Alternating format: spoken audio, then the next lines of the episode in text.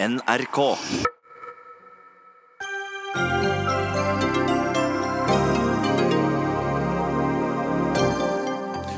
Fremskrittspartiet dro på busstur til Oslo øst, slik at de skulle få se forholdene der med egne øyne.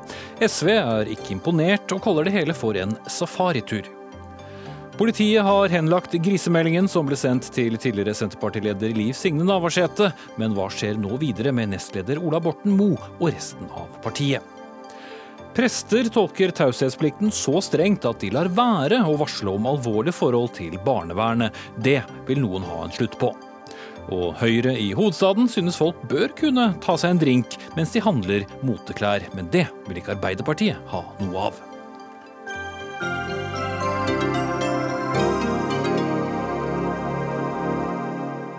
Det er eh, noe av menyen her i kveldens Dagsnytt 18 med Espen Aas.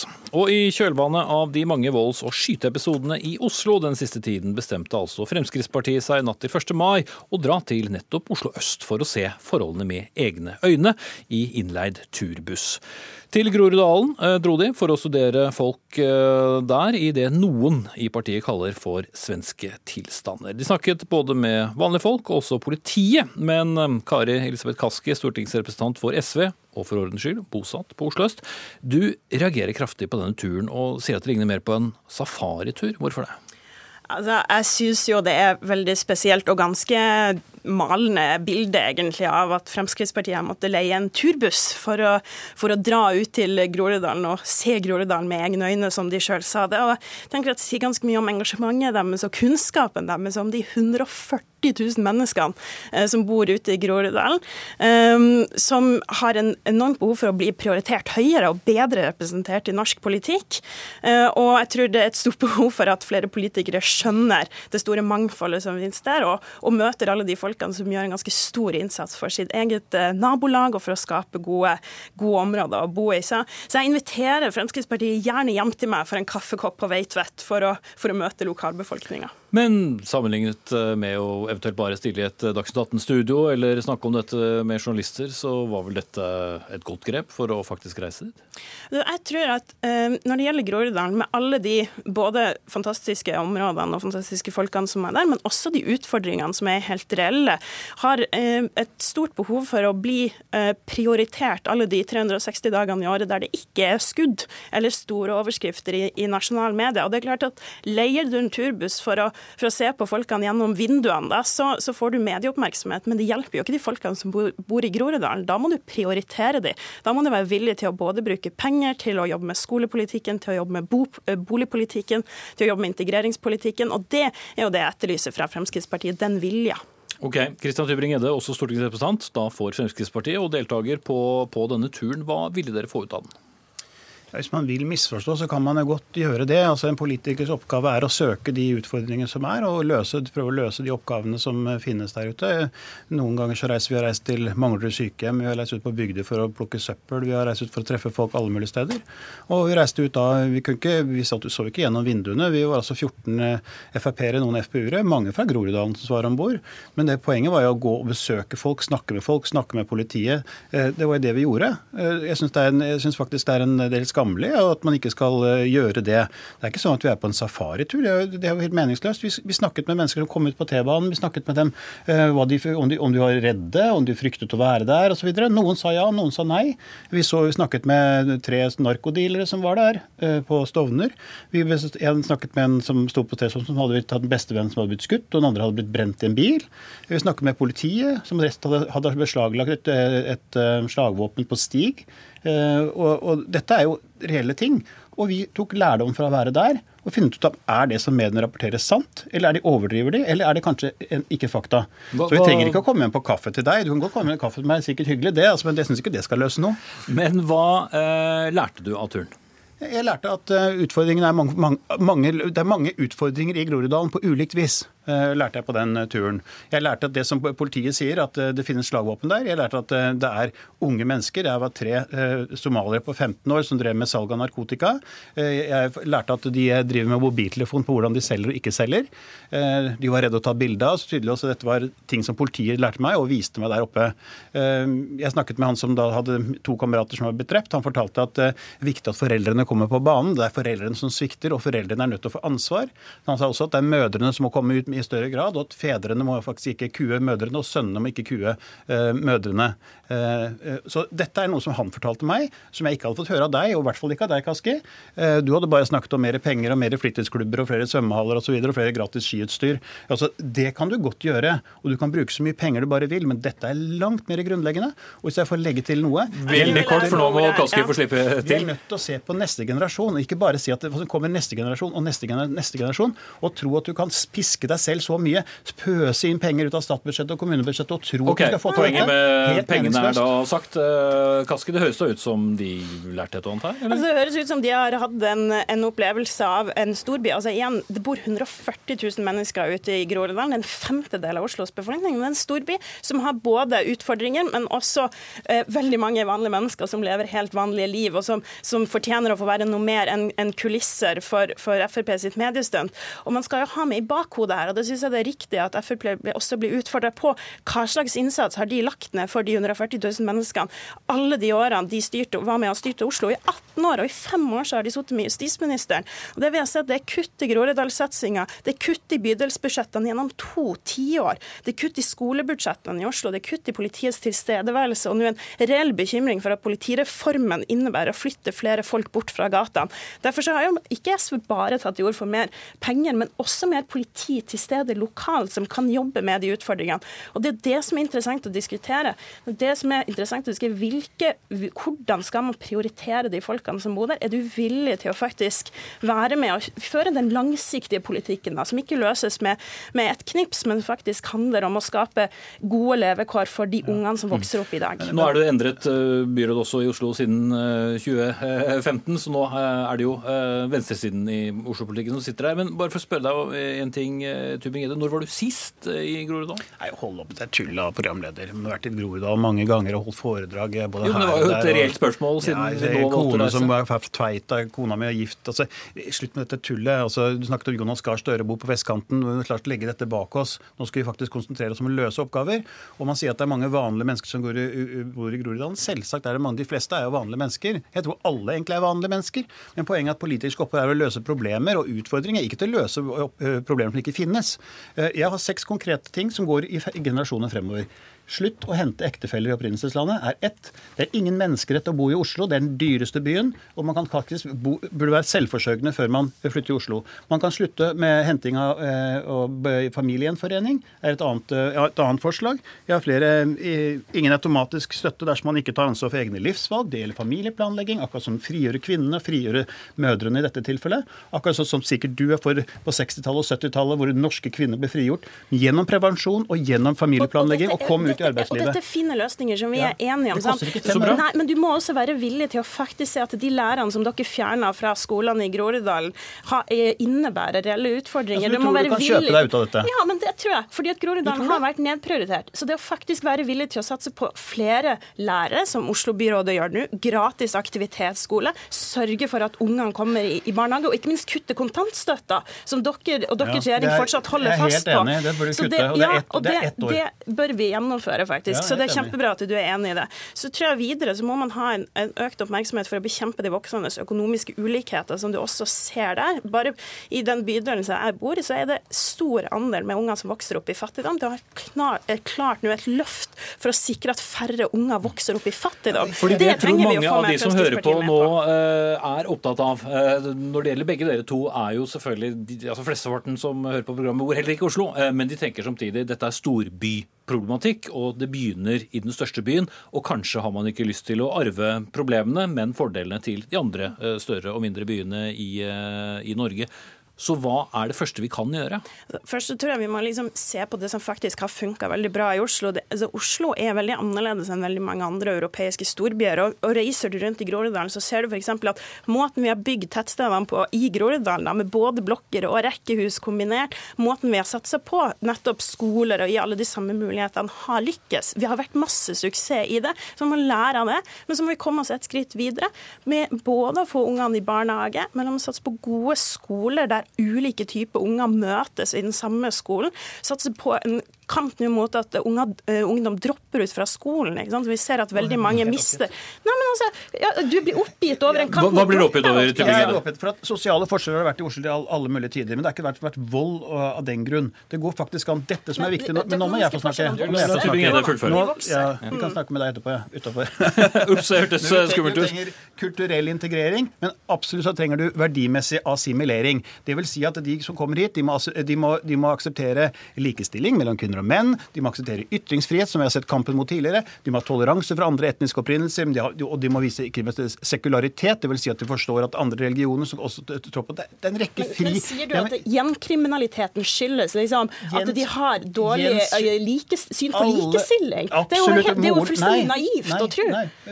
Det er fordi at moren ikke er aktiv i dette, for moren ikke er likestilt med, med faren. Dette er og det skaper kriminell ungdom? Det skaper at du får dårlige oppvekstvilkår. Og hvis du samtidig bor i en trang liten leilighet og velger å få seks-syv barn, så er det klart at da er det vanskelig å ha god eh, barneoppdragelse. Så man trenger disiplin. Et annet jeg mener, obligatorisk førstegangstjeneste. Er du med på det? Kunne det vært en idé, slik at de får altså, disiplin? Ola og Ali kan bo på samme rommet, pusse skoene sine, re opp senga si, marsjere i takt? Kjempefint, det. Men la oss også da ta et krafttak imot den barnefattigdommen, som jo du også sier, ikke sant, som gir utslag i at man bor for mange unger i for trange leiligheter. Trangboddhet og fattigdom er en helt reell problemstilling. Kanskje man ikke skulle få syv unger da, hvis man ikke kan forsørge dem. Ok, der må vi sette strek, men uh, utvilsomt uh, er dette en viktig og riktig debatt for oss uh, å ta igjen også i Dagsnytt 18. Kari Elisabeth Kaski fra SV, Christian Tybring-Gjedde fra Fremskrittspartiet. Begge stortingsrepresentanter. Dagsnytt 18 alle hverdager klokka 18.00 på NRK P2 og NRK2. Så skal vi tilbake til denne grove meldingen som ble sendt til tidligere Senterpartileder Liv Signe Navarsete. For politiet besluttet i dag at de ikke ikke etterforsker meldingen som ble sendt da i 2016 fra en hytte der flere Senterpartimedlemmer var på tur, deriblant nestleder Ola Borten Moe, som jo som kjent har tatt pause fra vervet i påvente av avklaring i saken, og ellers benekter å ha noe ansvar for at meldingen ble sendt. Begrunnelsen fra Vest politidistrikt er at saken ikke er alvorlig nok til å etterforskes, og at den er for ressurskrevende. Ingen fra partiledelsen i Senterpartiet sa de hadde anledning til å delta i Dagsnytt 18. Liv Signe Navarsete og Ola Borten Moe ville heller ikke delta, men vi gjentar noe Navarsete sa i programmet Torp på NRK2 i forrige uke, på spørsmål om hva hun mener bør skje dersom politiet ikke etterforsker saken. Uavhengig av politiet og ikke, så, så er det sentralstyret og ledelsen som har ansvaret for, for denne saken. Og enten så blir det én eller to eller tre som tar ansvaret og sier så, eller så blir det rett og slett sånn at sentralstyret eh, må si hva de mener om dette måte, eh, mot hendige som sådan. Og det vil jo egentlig ramme alle ti. For de, sentralstyret kan jo ikke levere denne saken ifra seg. Og nå kaller jo nettopp partiledelsen inn sentralstyremøte for å finne ut hva de skal gjøre videre. Og Lars Nehru Sand, politisk kommentator her i NRK, denne politianmeldelsen fikk vel egentlig ikke så mange konsekvenser?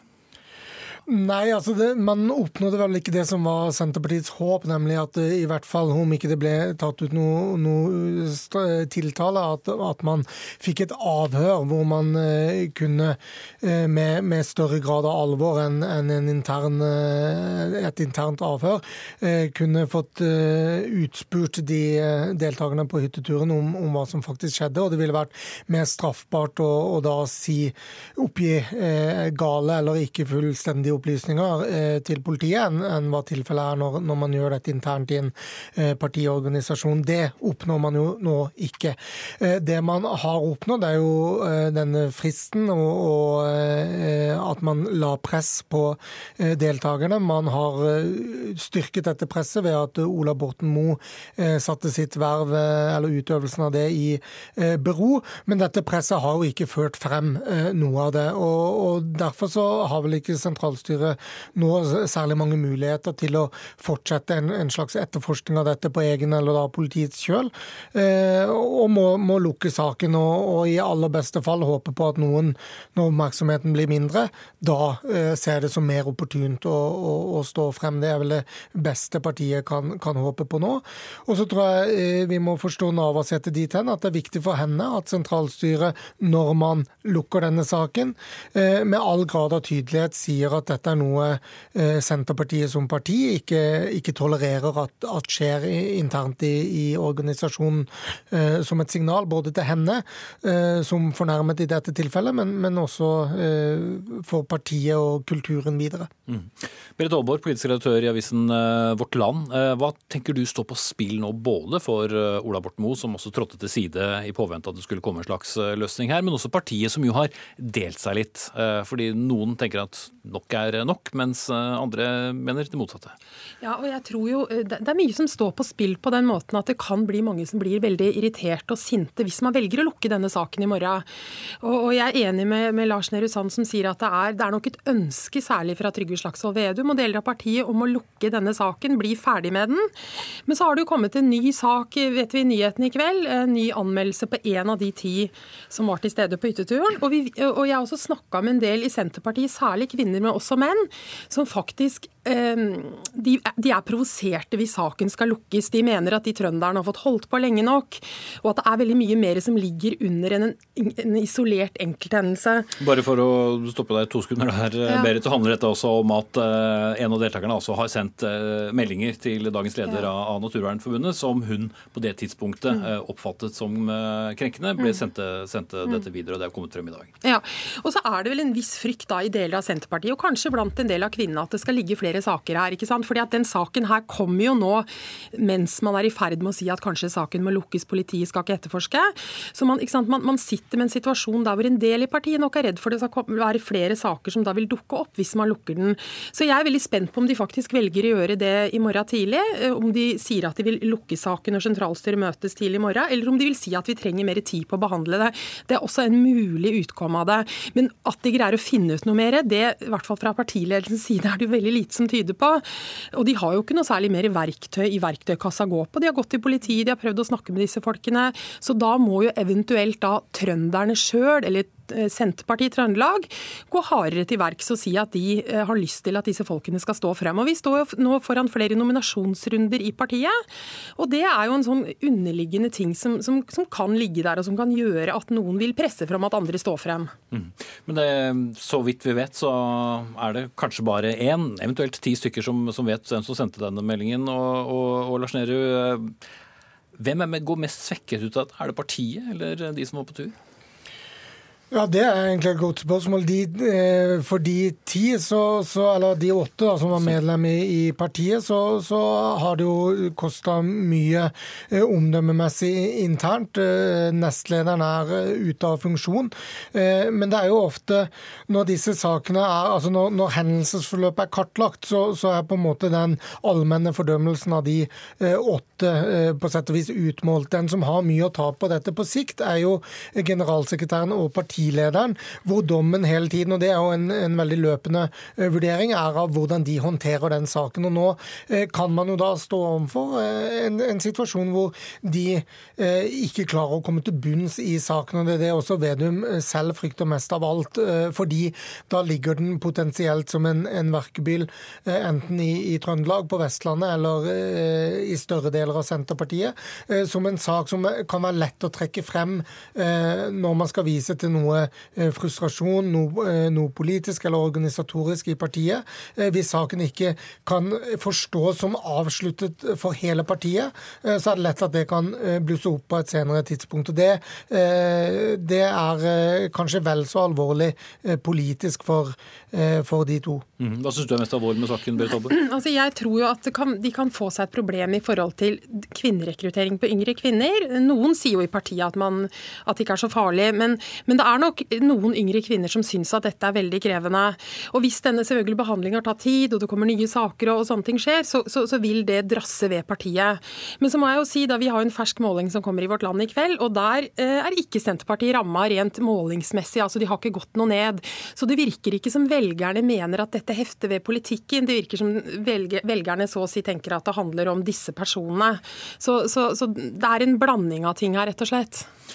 Men partiet har jo likevel en sånn desperat eh, behov for å komme seg på banen igjen eh, politisk eh, og snakke om politiske saker. Samtidig som de jo, som du var inne på Lars, ikke kan vise at de ikke håndterer denne saken. Så de må rett og slett bare ta et valg og se på konsekvensene av det. Ja, og Det er jo det som er det store problemet på sentralstyremøtet i morgen. At det er ikke spesielt mange muligheter til å eh, nå på en måte få svaret på det, det man har så tydelig gått ut og, og opp, eh, oppfordra til å, å, stå, eller oppfordra noen til å stå frem. Og når man ikke kommer til bunns i det, så, så er ikke de handlingsalternativene Vedum har, eh, spesielt mye på, på, å finne ut av dette. Eh, og Jo lenger denne saken blir en del av den offentlige debatten om Senterpartiet, jo mer skygger jo det selvfølgelig for, for det politiske budskapet til, eh, til partiet. Mm. Vi setter strek der.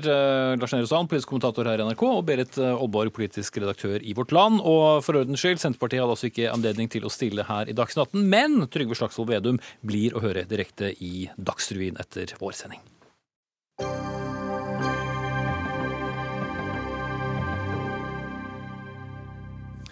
Da skal det handle om eh, drikking på steder man kanskje ikke vanligvis drikker her i Dagsnytt 18. Dog skal vi ikke drikke her, men for i hovedstaden så kan du faktisk eh, ta deg en pils eh, hos enkelte sykkelreparatører, fiskeutsalg, men foreløpig ikke når man kjøper klær. Det har iallfall herreekviperingen Follestad fått erfare.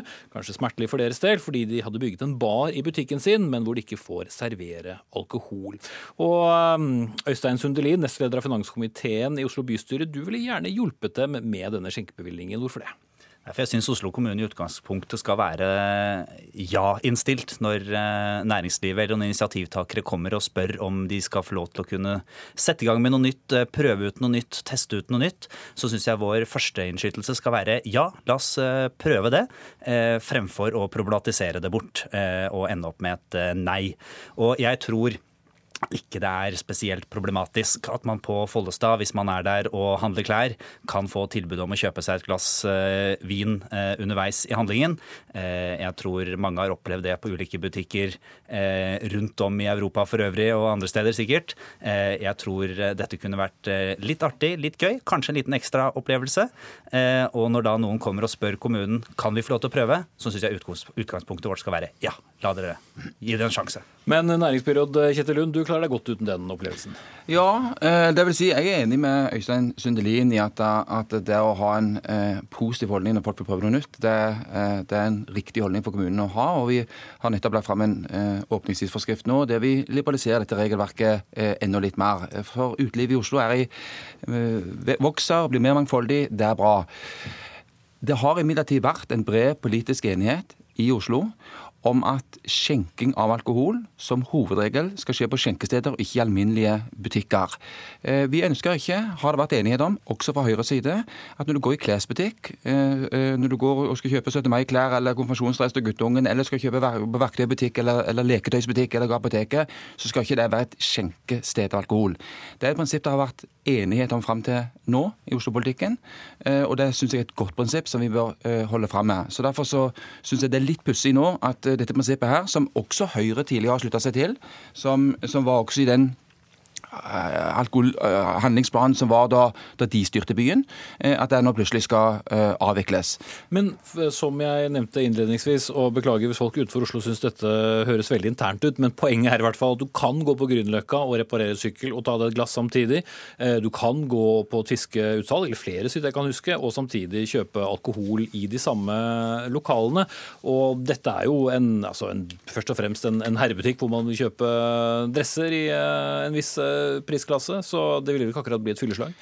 Nei, men jeg tror, vi, jeg tror dette, vi må ha et prinsipiell holdning eh, til dette. Hovedregelen Ja, det var det jeg tenkte på, at det virket kanskje ikke så prinsipielt når det allerede var eh, flere steder hvor du kunne Jo, det er noen prinsipper som ligger eh, til grunn her. Så er det riktig at det er fiskebutikker, der man, eller fiskerestauranter i praksis, der hovedvirksomheten er eh, servering, skjenking. Så har man også noe fiskesalg i tillegg, men der hovedvirksomheten er knytta til servering. Det har man tillatt. Men i klesbutikker, i leketøysbutikker, i verktøybutikker, i hvitevarebutikker, alminnelige butikker som ikke, ja, som ikke, som, er, som ikke har noe med alkohol å gjøre. Eh, Når du har, når du har en, en, en fiskerestaurant som driver med skjenking, men i tillegg selger noen fiskekaker eller litt fisk, så er det noe annet.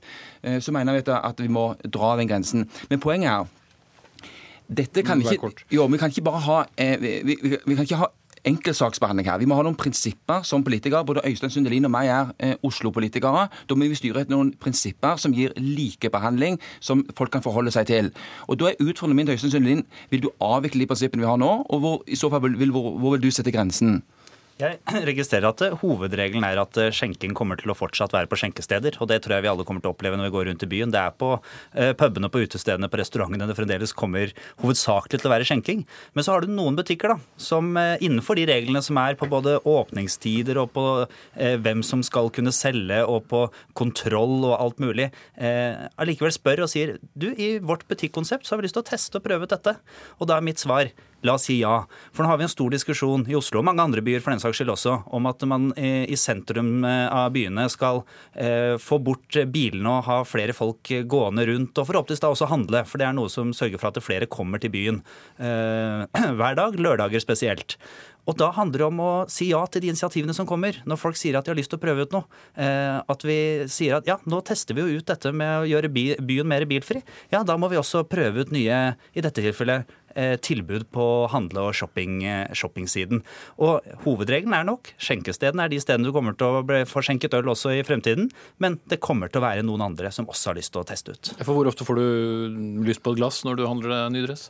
Nei, du, jeg tror kanskje ikke jeg så ofte får lyst på det, men eh, jeg skulle jammen ikke se bort fra at hvis eh, spørsmålet hadde kommet, så hadde jeg kanskje sagt ja, var ikke dette en litt morsom opplevelse? La meg prøve ut det. Og hvem vet, kanskje man går da og ser om du handler enda mer for den saks skyld. Jo, det, det kan godt fort nok bli en eh, hva skal jeg si, morsom opplevelse hvis man tar sånne glass og kjøper, uh, mens man kjøper dress. Uh, men, men, men, men det er i hvert fall ikke det vi har har vært enige om Øystein, i Oslo-politikken uh, så langt. Og mitt, mitt spørsmål til deg er likevel vag, hvilke grenser vil du trekke for dette? Hvis, du, hvis, noen sier, spør, hvis noen søker, skal de få ja. Men skal det gjelde rund baut? Skal det gjelde alle? Hva med en leketøysbutikk søker? Hva med en sånn butikk? Hva med en slik butikk? Vi, noen, vi må ha et regelverk. Det har jeg et ansvar for. Det har mener jeg du også bør ta et ansvar for å, å, å, lage. Og For meg er det veldig uklart hvor du mener at grensen skal gå.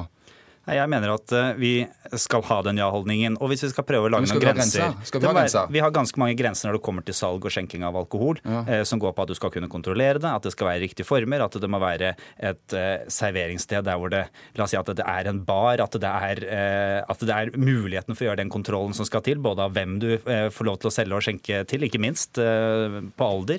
Eh, og jeg tror det er ganske få som kommer til å komme og spørre om denne muligheten. Men kanskje noen frisører kommer til å gjøre det. Kanskje noen flere klesbutikker kommer til å gjøre det. Og så tror jeg eksemplene om leketøysbutikk og apotek er å eh, fordumme debatten, fordi noe sier meg at vi ikke kommer til å se mange søknader fra de butikkene.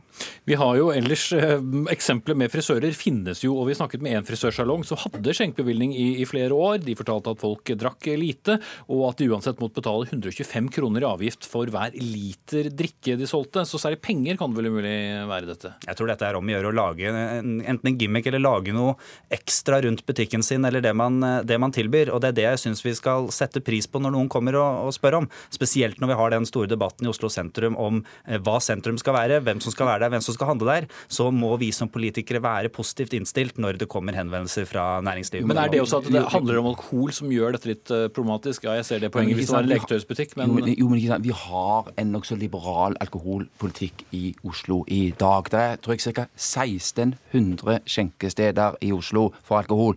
Flere kommer det til å bli. Og utelivet blir mer mangfoldig, det vokser. Det er bra. Det er ikke det vi snakker om. Jeg tror de fleste som bor i Oslo, eller som har vært i Oslo, ikke syns det er vanskelig å få ta seg et glass vin, få ta seg eh, en pils. Sant? Det er en helt feil framstilling av virkeligheten i Oslo å snakke om at det, at det, er veldig restriktivt på alkohol her. Det er ikke det vi snakker om. Det er ikke det vi snakker om. Det vi snakker om, er om vi skal holde fast ved den regelen som har vært at i, i klesbutikker og i ja, lekedødsbutikker, i alminnelige butikker, som er et prinsipp Hvis du syns det er dustete, Øystein, det er litt pussig at Høyre styrte etter det, at du styrte etter det, at de til nå har vært enige om at dette er et prinsipp. Som hovedregel så skal vi ikke ha skjenking i vanlige butikker. Skjenking skal foregå ved skjenkesteder. Og, og, og hvis, vi, hvis, du har en sånn regel, så må den bety noe. Ja, og Den kommer fortsatt til å gjelde, og så kommer det til å være noen unntak. Og jeg tror heller ikke er noen som etter eh, jobben på fredag kommer til å ta fredagspilsen i en klesbutikk, men kanskje noen som på lørdag er der for å handle, under seg et glass vin mens de går og handler. Og det er det jeg ønsker å åpne for. Ok, Takk til Øystein Sundelin fra Høyre og Kjetil Lund fra Arbeiderpartiet. Har Dagsnytt 18 begrenser for øvrig serveringen seg til vann, kaffe og Twist. Det er ikke alltid det fører til god stemning heller.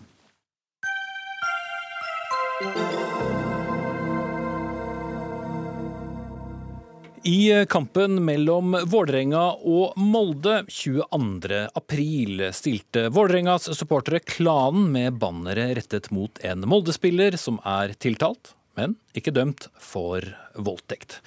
Det var bannere med påskrift 'Heller horesønn enn voldtektsmann'. Sex krever samtykke, håper du mister såpestykket.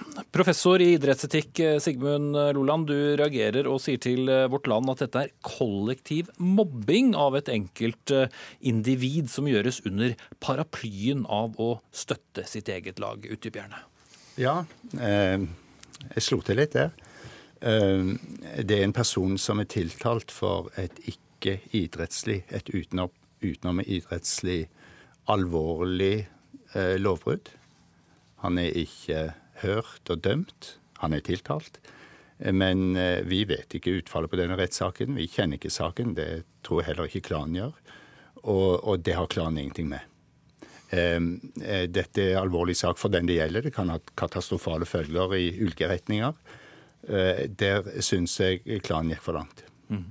Erling Rostvåg, talsperson for eh, klanen. Eh, gikk dere for langt? Jeg syns jo ikke det. Eh, jeg er veldig innforstått med at vi balanserer på en hårfin linje her. Men den overordna konteksten er at vi leter etter ting for å komme under huden på motstanderen. Og noen ganger så er det generelt, andre ganger er det dagsaktuelt. Så bare for å få det presisert, ja. altså dere bruker da en straffesak som pågår parallelt eh, med fotball, altså de sportslige prestasjonene, for å svekke laget når det er kamp?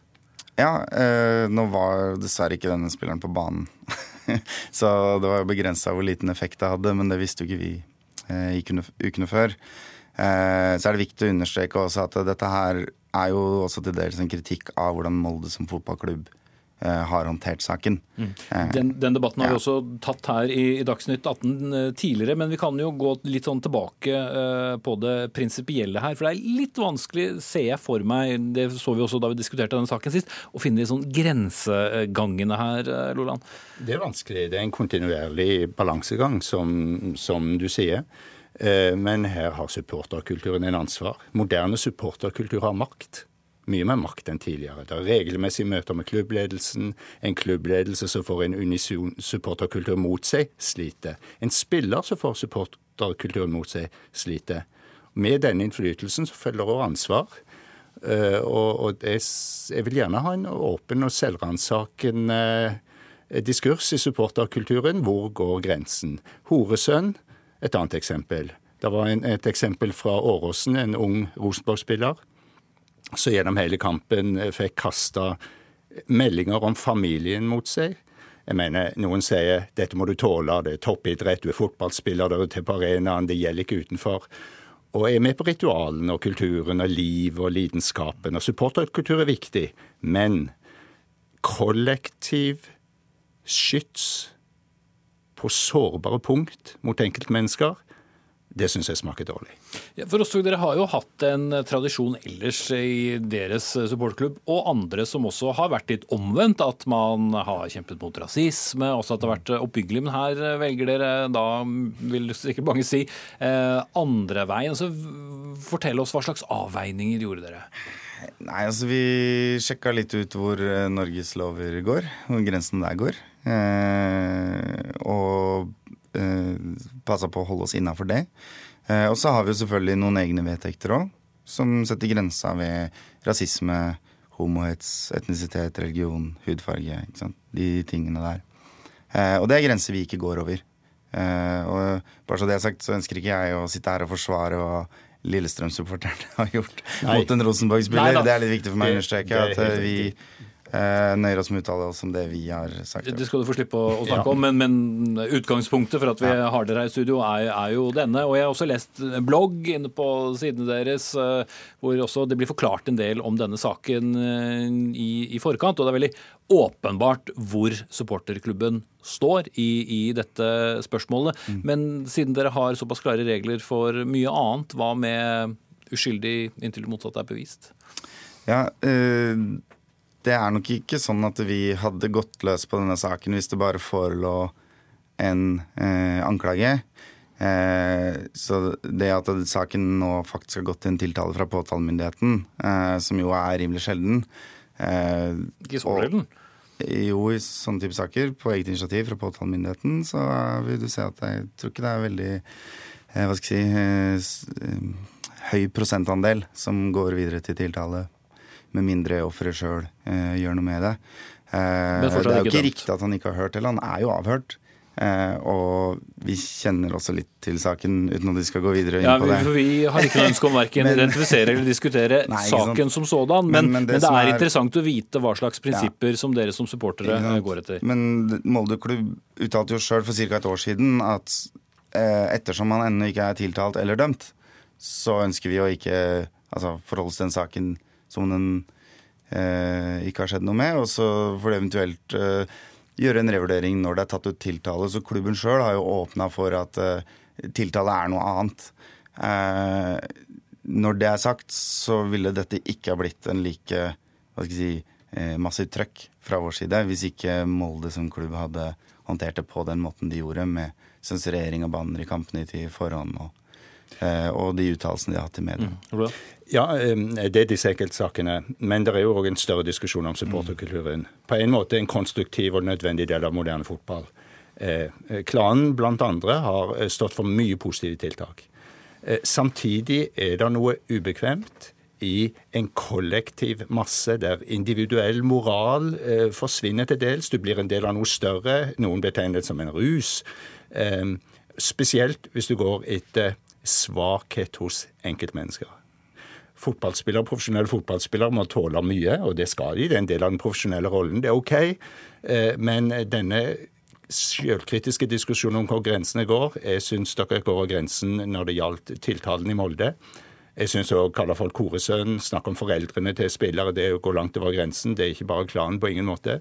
Men eh, den selvkritiske diskusjonen hos supporterkulturen savner jeg. Og supporterkulturen er utrolig hårsår for kritikk. De er tøffe i sine meldinger. Når de får kritikk, så går du på barrikadene. Les eh, kommentarene på nettet fra medlemmer som ikke du kan ta ansvar for kollektivt.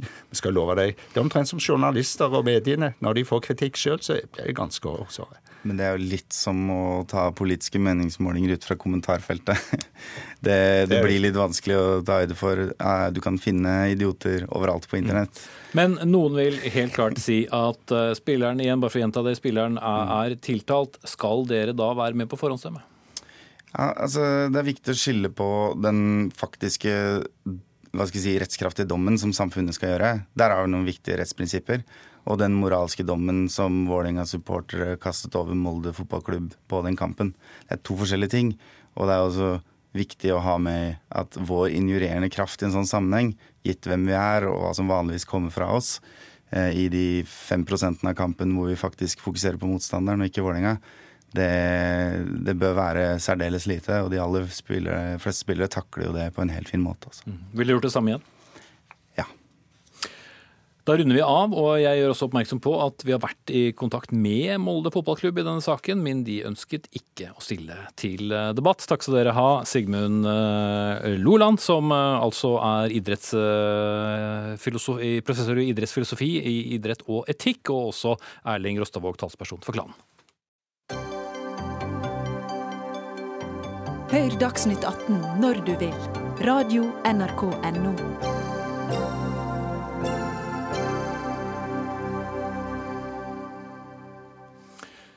I eh, selskapet som inntil videre heter Statoils nye toppledelse, som ble offentliggjort på fredag, er eh, tre av eh, totalt elleve ledere kvinner. Tre menn forlot ledelsen i Norges største selskap og ble erstattet av tre nye menn. Tina Bru, stortingsrepresentant for Høyre og andre nestleder i energi- og miljøkomiteen, og også leder for Høyres kvinneforum. Du sier du er skuffet over dette. Hvorfor det? Nei, Jeg er skuffet. Jeg syns at dette er eh, for dårlig. Eh, det er veldig umoderne. Og jeg hadde håpet at vi hadde kommet lenger. Eh, jeg syns det er interessant at Statoil nå ønsker å skifte navn, fordi at de ønsker å gå inn i en framtid som et bredt energiselskap. Og de bytter navn til Equinor. Og Equi står jo for, bl.a. som de sier selv, balanse, likevekt osv. Og, og da ikke klare å måte, vise det litt igjen da, i ledelsen, syns jeg er synd. Fordi dette er Norges største selskap i det som er Norges største bransje.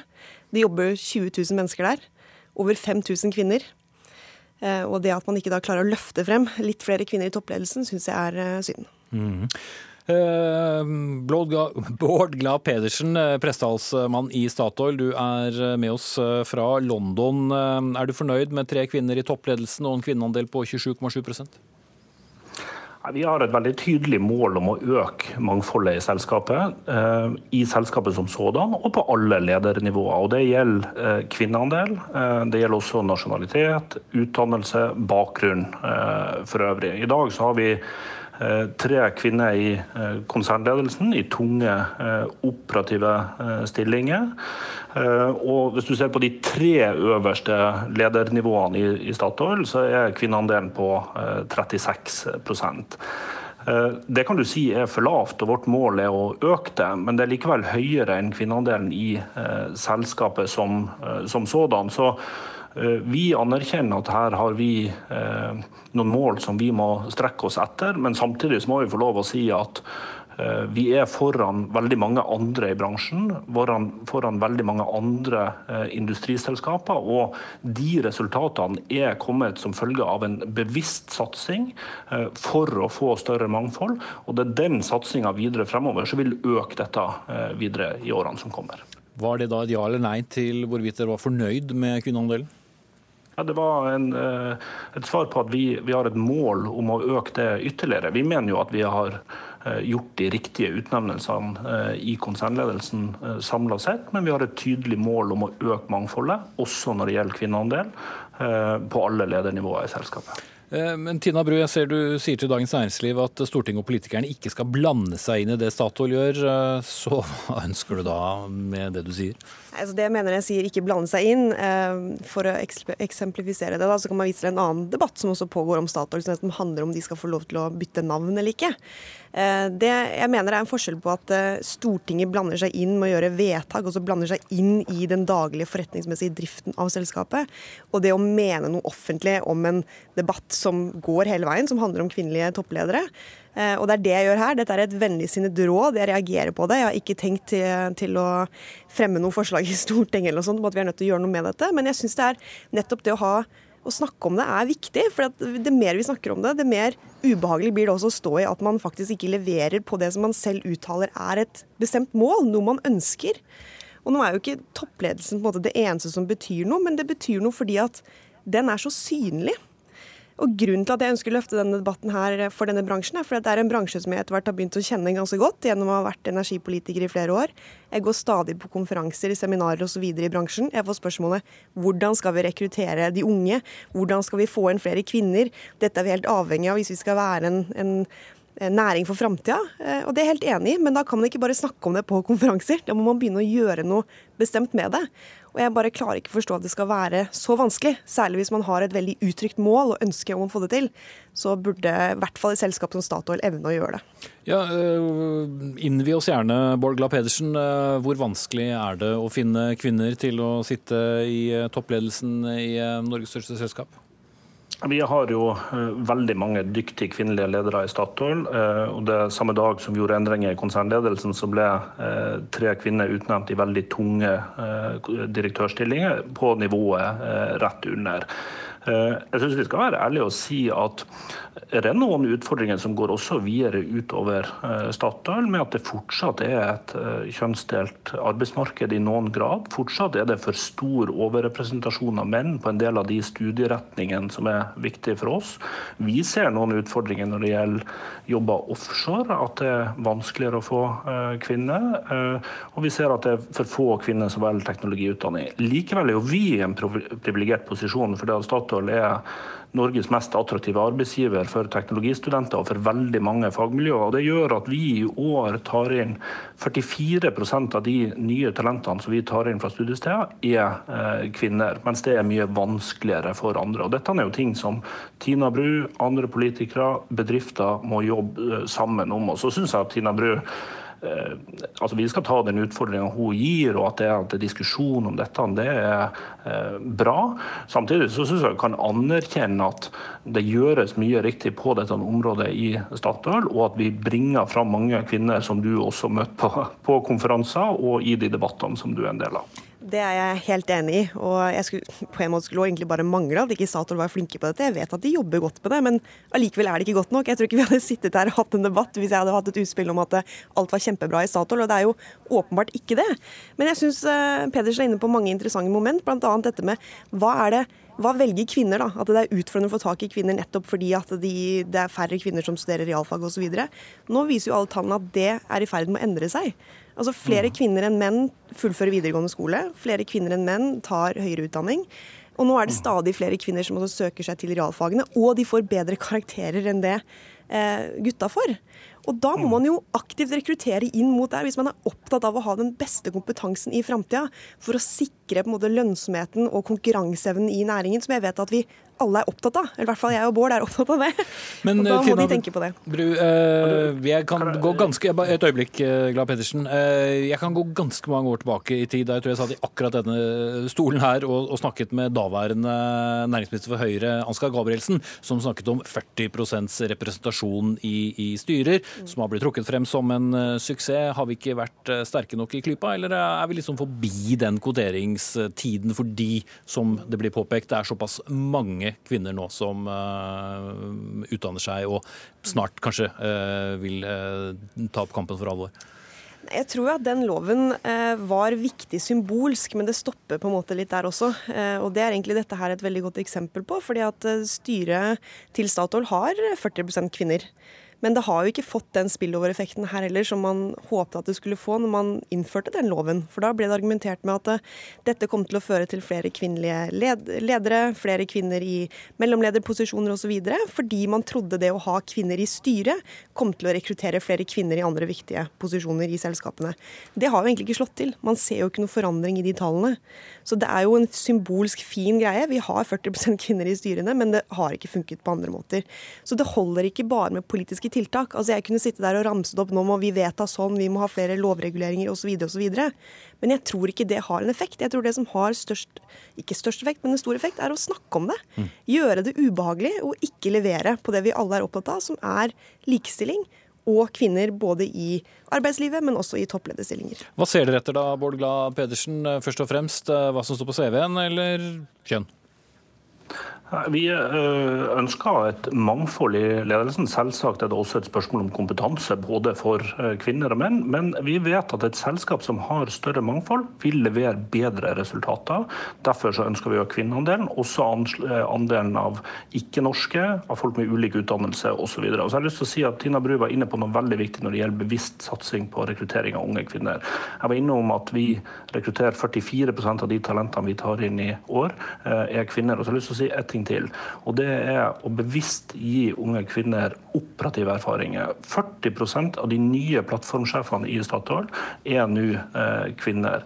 Margaret Øvrum, som er en av de som sitter i konsernledelsen i Statoil, var den første eh, plattformsjefen hos oss. Og det å gi den type operativ erfaring eh, vil legge grunnlag for flere kvinnelige ledere eh, fremover. Så det er flere tiltak og jobbing på bred front som skal til for å få til det som vi er enige om er et felles mål. Mm. Tine til slutt. Helt til slutt så tror jeg bare at én, dette er veldig fint å høre, og det er en veldig bra måte å jobbe på. og jeg tror det er veldig viktig at kvinner skal ikke trenges og kvoteres inn i disse rollene. Kvinner har denne kompetansen. Kvinner får stadig større kompetanse og vil være en ressurs som selskapene er nødt til å benytte seg av hvis de kjenner sitt eget beste. Ok, da tar vi det som en slags oppfordring, om ikke annet. Takk til Tina Bru, stortingsrepresentant for Høyre, og Bård Glad Pedersen fra Statoil. Og kvinnerepresentasjonen i denne debatten var i hvert fall 50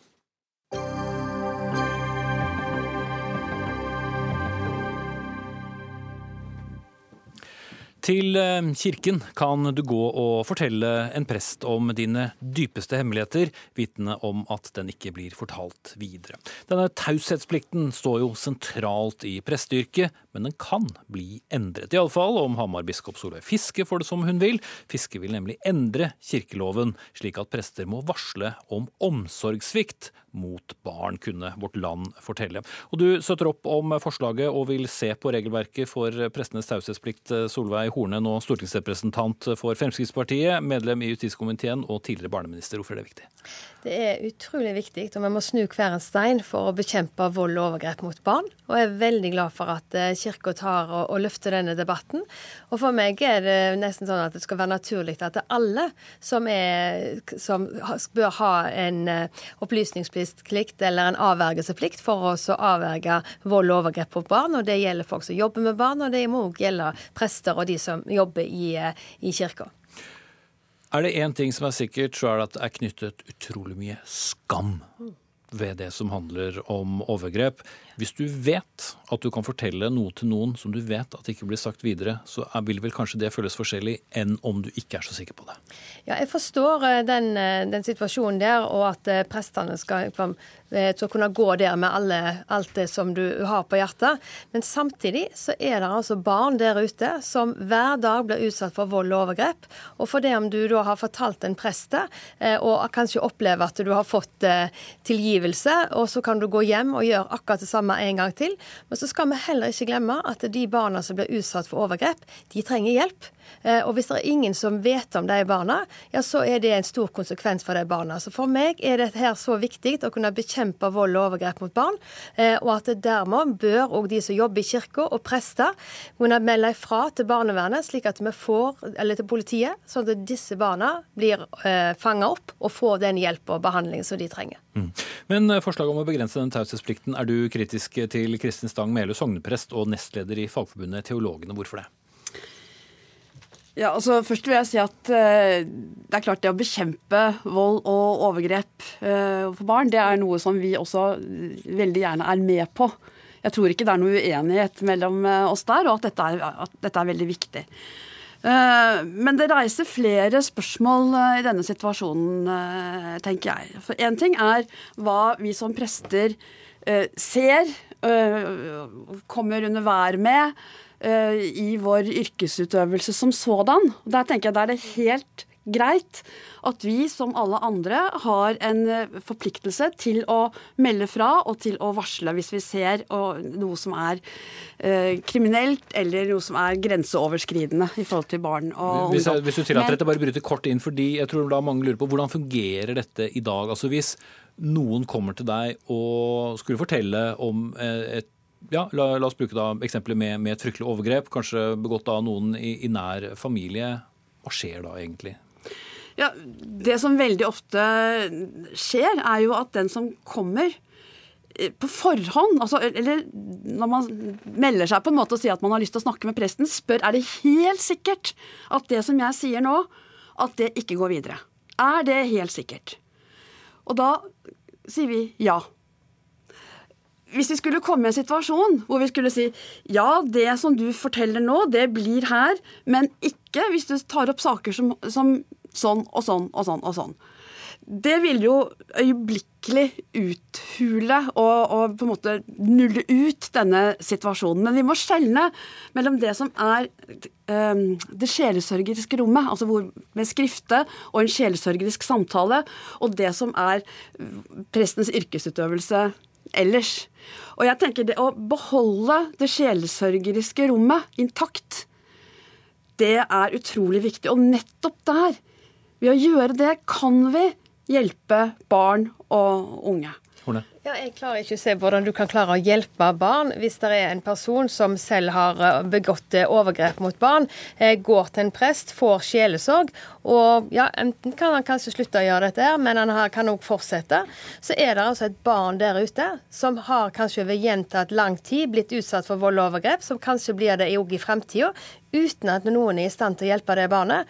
Og den utviklingen vi ser nå med vold og overgrep mot barn, og vet hva konsekvenser dette her har for de barna, så er det altså, så bare kjenner jeg det at det, her må vi gjøre alt det vi kan. Og jeg mener at prester og de som jobber med det med i kirka, bør òg ha en opplysningsplikt, en avvergelseplikt, som folk som jobber på skole, i helsevesenet, i politiet, for oss å avverke dette. For det, det er det er stor uh, påkjennelse for de barna som blir utsatt for dette.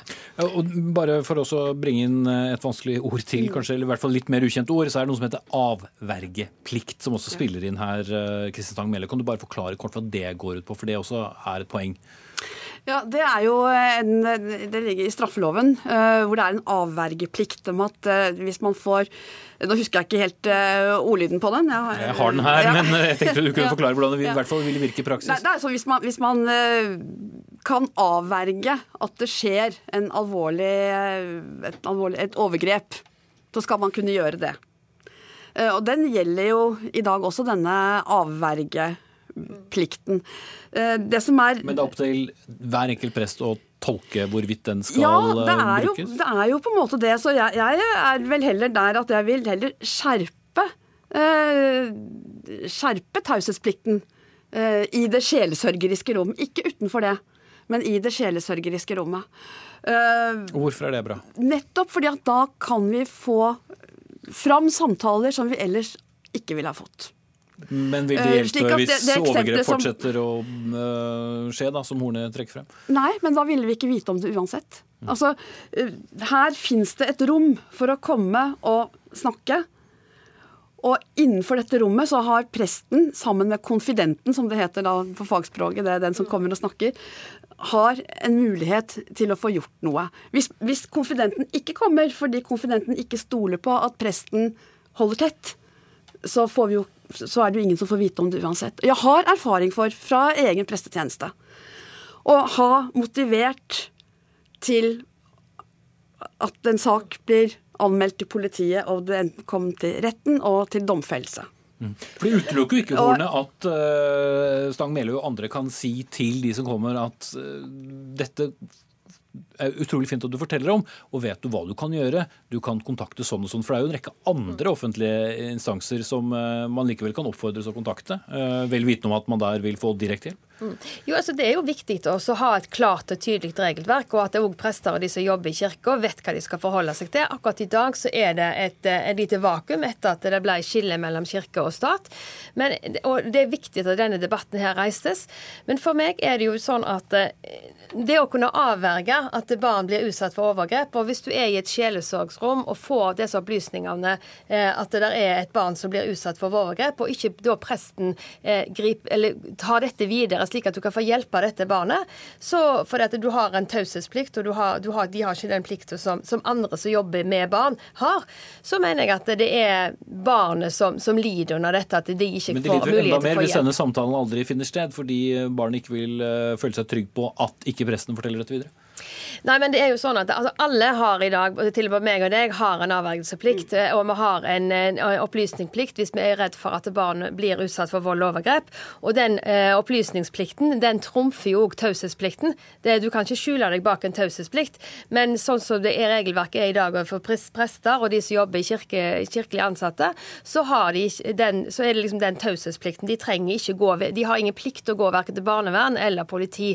Og det er der jeg mener at vi er nødt til å se på hvordan kan vi klare å hjelpe, eller ha et regelverk som gjør at vi kan hjelpe barn som blir utsatt for, for vold og overgrep, og at òg prester og de ansatte har en mulighet til å kunne melde ifra. Og det er jeg glad for at Kirka har tatt den debatten, og vi må òg se på sammen med, eh, se på som, regjeringen må se på om det er noe som de kan være med på i forhold til forvaltningsregelverket, om det skal gjelde fremdeles. Ja, og det, Dette er jo en veldig viktig sak. fordi at Etter at uh, Kirken ble skilt fra staten, så er vi på en måte et sånt lite vakuum, uh, som du sier nå, ved at de, de tidligere altså lovene vi praktiserer fortsatt etter dem, fordi den nye kirkeretten er på en måte ikke etablert ennå. Så dette her er jo spørsmål som vil komme inn med full tyngde eh, i dette. Men da må jeg også tenke at hvordan, altså, hvor langt sta, skal staten gå inn i dette? Prestene lover ved sin ordinasjon eh, å dra omsorg for i, ja, altså i sjelesorg og skriftemål og dra omsorg for eh, den, den, enkelte. Og Det som man da snakker om her, er jo om staten skal gå inn altså De kan ikke gå inn og regulere noe inn i dette. Vi skal ikke ta finjustering der nå, ikke minst fordi tiden vår er ute. Men i hvert fall høres ut som eh, viktige avklaringer i vente. Takk til deg, Kristin Stang Melø og Solveig Horne. Ansvarlig for denne sendingen, Jarand Ree Mikkelsen. Teknisk ansvarlig, Lisbeth Sellereite. I studio, Espen Aas.